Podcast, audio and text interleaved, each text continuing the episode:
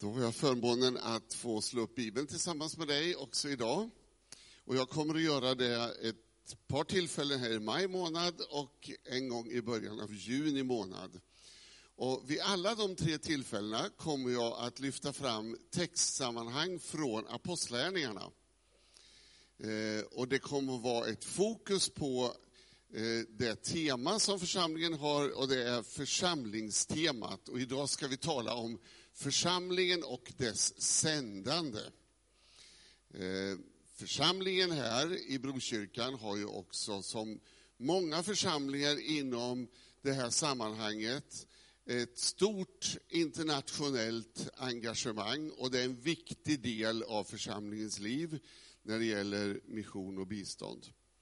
När vi kommer till Apostlagärningarna som är den femte eh, lilla boken i eh, i eh, Nya Testamentet så är det samma författare till eh, apostlärningarna som till Lukas evangeliet. Man kan säga att Lukas, börjar, Lukas läkaren börjar med att beskriva det som sker kring Jesus Kristus när han fysiskt är närvarande eh, på jorden. Och så fortsätter beskrivningen om vad som sker efter att Jesus har lämnat dem, efter pingstdagen och det som sker genom lite olika typer av människor och församlingar beskrivet i apostlarnas gärningar, apostlagärningarna. Och vi ska läsa några verser i apostlagärningarna 13, inledningen där ifrån vers 1. I församlingen i Antiochia fanns dessa profeter och lärare. Barnabas, Symeon som kallades Niger, Lucius från Kyrene, Manaen, som var uppfostrad tillsammans med tetrarken Herodes samt Saul. Medan de en gång höll gudstjänst och fastade sa den helige Ande till dem, avdela Barnabas och Saul för den uppgift som jag har kallat dem till. Efter fasta och bön lade de sina händer på dem och skicka iväg dem. Vi ska försöka reda lite grann i den här texten och försöka förstå själva poängen med det här textsammanhanget som inleder en ny fas i församlingens historia. Men låt mig först bara få, få säga så här att internationell mission och bistånd kräver en rad olika komponenter. Det är kulturanpassning, språkkunskaper, det kräver omvärldsanalys, anpassning till seder och bruk. Dessutom så är det ju så att eh, eh i stort sett alla de svenska församlingarna som jobbar med mission och bistånd har, har, konkreta partners i olika delar av världen. Det kan vara missionsorganisationer eller kyrkliga samfund som alla har sina strategier för förverkligandet av missionsuppdraget. Allt det här är ju helt nödvändigt. Men utan församlingens gemenskap och församlingens inre liv vilja att lyssna till den helige Ande och utmana till konkret sändande så blir ingenting av detta möjligt.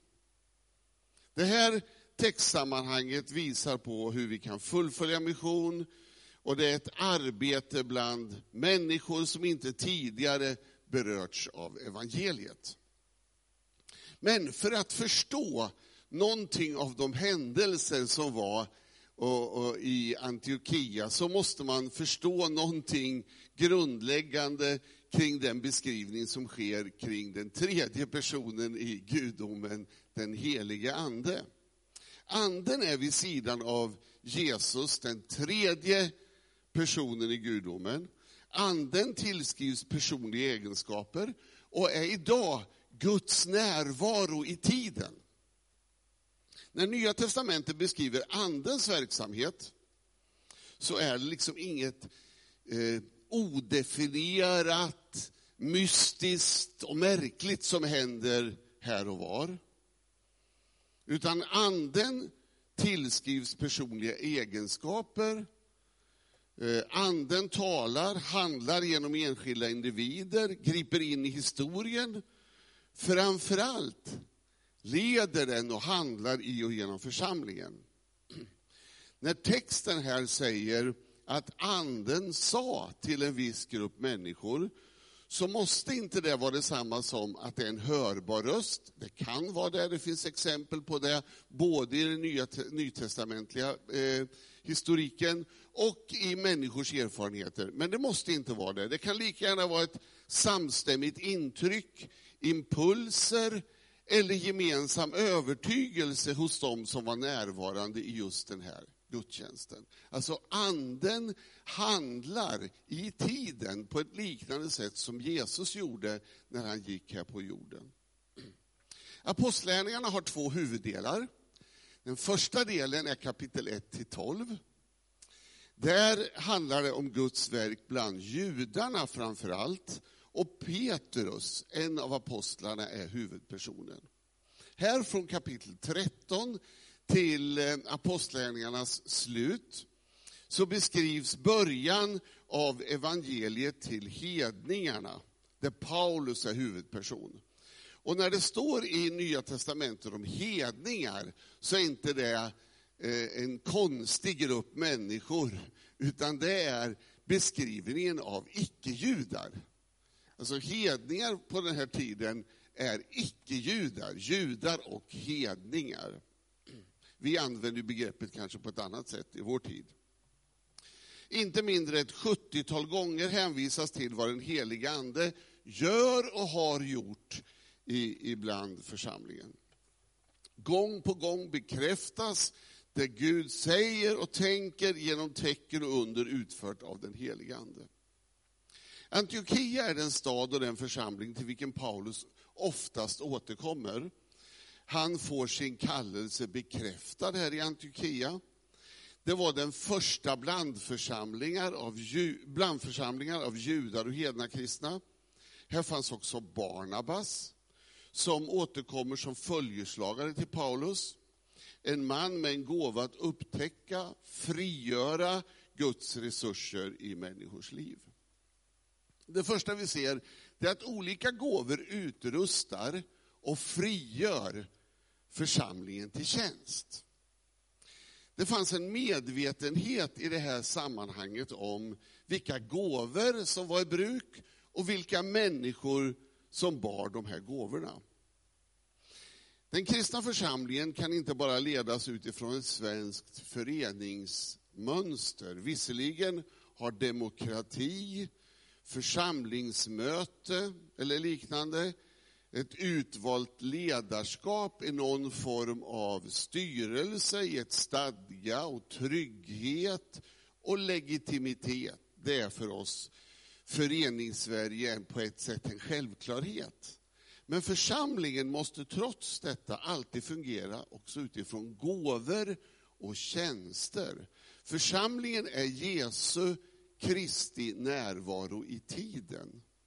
Bilden av församlingen som kroppen och lemmarna tillsammans visar att det handlar om funktion mycket mer än position. Paulus skriver ett antal brev eh, som finns nedtecknade i Nya Testamentet, nämligen 13 brev. I ett av breven till församlingen i Efesos så beskriver Paulus eh, några av de här gåvorna och tjänsterna som är till för att utrusta församlingen. I eh, Efesierbrevets fjärde kapitel, och bara någon vers där, så gjorde han några till apostlar, andra till profeter, till förkunnare, till herdar och lärare. En grupp människor av kött och blod som på olika sätt utövar tjänster i församlingen. Apostlar, människor som har starka, pionjära, nytänkande drag, naturlig auktoritet och tro, människor med stor järvhet som går in på nya områden. Svensk kyrka och frikyrka visar historiskt stor järvhet på ett antal olika områden. Det har funnits apostlar i församlingarna. Profeter, tjänare som hjälper oss, framförallt kanske med omvärldsanalys, att förstå var vi är, insikten om var vi befinner oss. Hjälper oss också att peka ut vägen. Och dessa församlingsprofeter har en särskild fingertoppskänsla. förkunnare, evangeliets budbärare. Dessa nitiska människor som ständigt påminner oss om vikten att berätta om grunderna i kristen tro. Herdar. Herdar är bilden som togs från den här tiden som är väldigt naturlig för läsarna med herdar och dess fårjord. Eh, de tjänster som ser till att församlingen fungerar i gemenskap, i relationer, i omvårdnad. Herden som ser till att jorden alltid får rätt näring. Och så lärarna förmedlar vishet och kunskap. Gåvan att förmedla kunskapens ord kan ske på många olika sätt. Inte minst genom lärarnas un sunda undervisning som leder till att eh, församlingen blir sanningens stödjepelare. Alltså olika gåvor som utrustar och frigör församlingen till tjänst. Det berättas det också om i församlingen i Antiochia. Där fanns det människor med de här olika utrustningarna som utrustade församlingen. Men gåvor och tjänster frigörs också i församlingen. Det behövs på samma sätt en medvetenhet om gåvor och tjänster i den enskilde kristnes liv. Och det finns flera uppräkningar i Nya testamentet om olika typer av gåvor och tjänster. Det finns i Romarbrevet, det finns i Första Korinthierbrevet. Och det berättas om hur genom Guds nåd församlingen växer och utvecklas genom enskilda människors gåvor och tjänster utifrån den nåd man har fått. Det kan finnas gåvor till omsorg, gåvor att tjäna med barmhärtighet, frikostighet, tro och så vidare. De här gåvorna är viktiga för att församlingen ska växa och utvecklas. Och för att församlingen ska utvecklas behövs det utrymme för var och ens gåvor. Inte bara några personer, utan din gåva behövs också. Du kan självklart bära fram av ditt ekonomiska överflöd och ge som en gåva. Men lika viktigt är att ge av ditt eget liv, av din tid, av din kraft och ställa din förmåga, din naturliga och övernaturliga förmåga till församlingens Eh, eh, nytta så att den kan växa och utvecklas. Det vi också ser i det här textsammanhanget i Apostlagärningarna, det var att det fanns olika etnisk bakgrund som frigör församlingen till tjänst.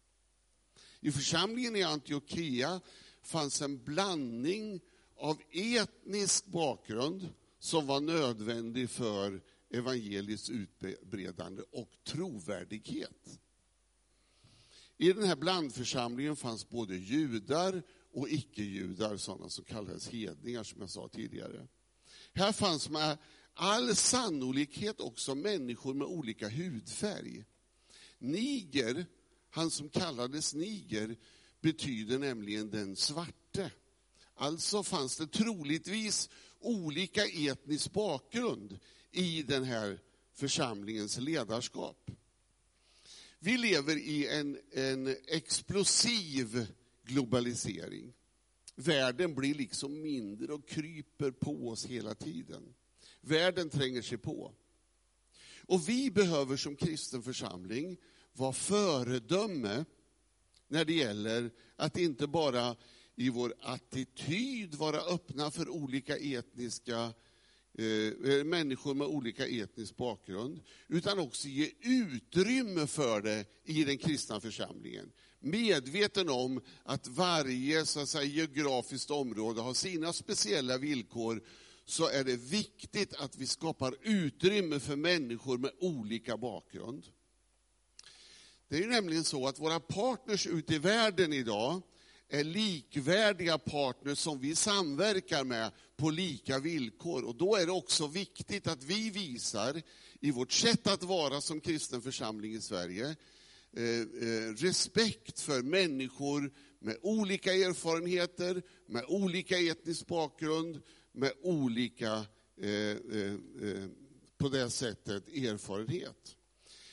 Den kristna församlingen har läst genom historien många gånger Paulus brev till, till en församling i Galatien, där han betonar väldigt starkt att här är det inte fråga om jude eller grek, alltså jude eller hedning. Här är det inte fråga om manligt eller kvinnligt. Här är det inte fråga om den eller den specifika typen av bakgrund och erfarenhet. Här är vi alla ett i Kristus.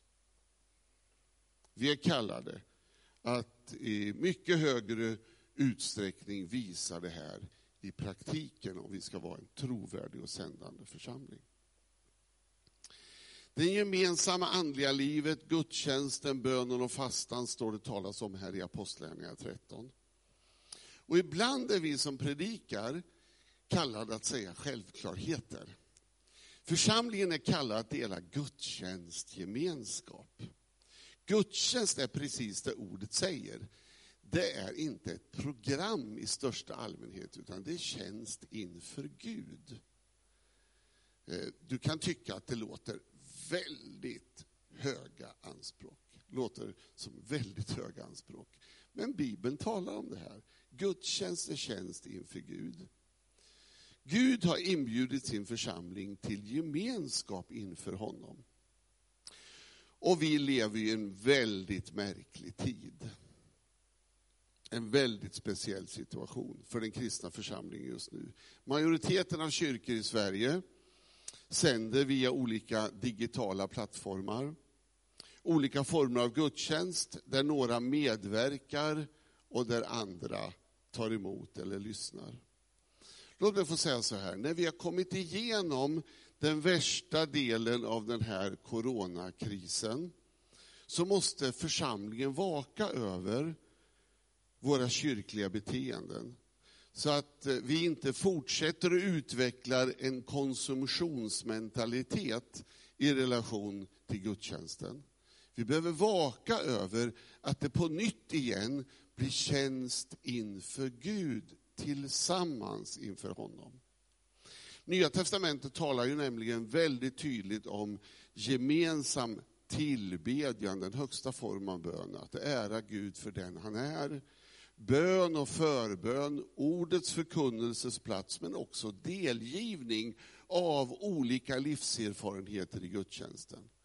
Och allt kanske inte alltid kan ske samtidigt, men eh, eh, varje gudstjänst har sin betoning och husgrupper och husförsamlingar och på olika sätt mindre sammankomster kan också komplettera det faktum att vi är inför Gud tillsammans.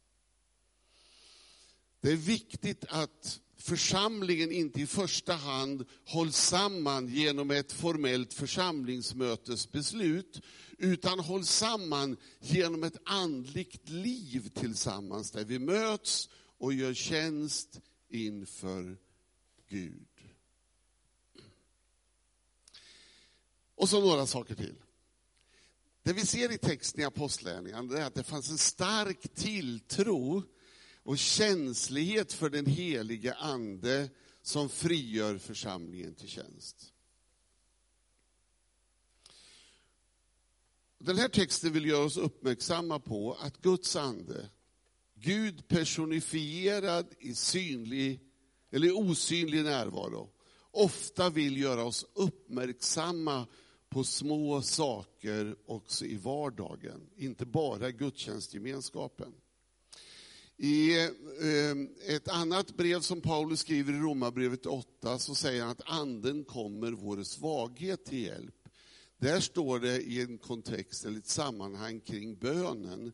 Men jag tror att det är en grundläggande princip. Anden vill komma oss till hjälp. Anden vill komma för att vägleda oss i vardagen, för att viska in sitt ord i våra hjärtan, för att få oss att fungera. Anden ger dig intryck, talar i ditt inre, ger dig tankar och impulser, idéer, försöker få dig uppmärksam mitt i vardagen. Den här känsligheten för den heliga Ande skapar förutsättningar för att bli frigjord till tjänst. Du kommer på rätt plats i rätt tid och gör rätt saker. Det finns ett antal bibliska exempel på detta och det finns ett antal berättelser från människor hur man har fått impulser, fått tankar, fått intryck, förverkligat dem och på det sättet blivit sänd, blivit sänd att hjälpa människor i vardagen. Tilltro till och känslighet för den helige Ande är en avgörande faktor för att församlingen ska bli frigjord till tjänst. Och så slutligen, villighet att utrusta och sända det bästa vi har frigör församlingen till tjänst. Paulus, en ledande personlighet, blir här avdelad för uppdrag på andra platser och andra orter än i Antiochia. Paulus kom att bli en banbrytare i stora delar av den då kända världen.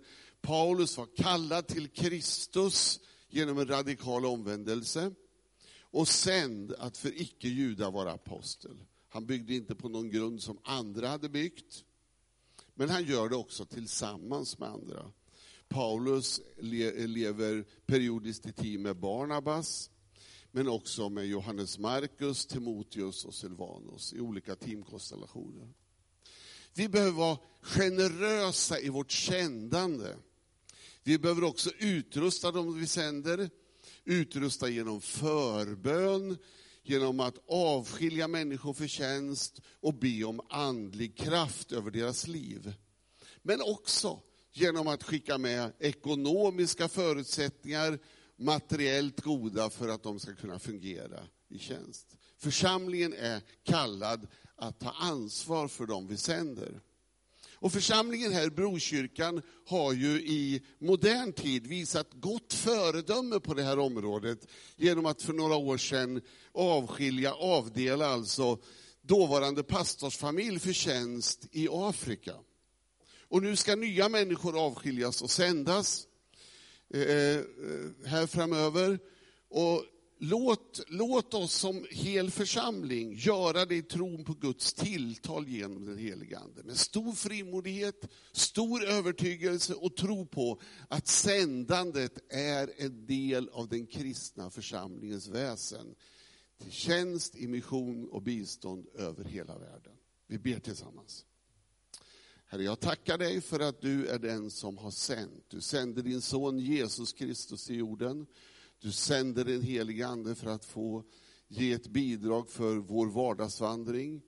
Du har sänt människor in i olika sammanhang genom historien. Tack för alla berättelser vi har hört om människor som har uppfattat sig sända av dig för att tjäna dig och utbreda ditt rike. Nu ber vi om att Brokyrkan, att eh, den kristna församlingen i Kindabygden ska få fortsätta att vara en sändande församling.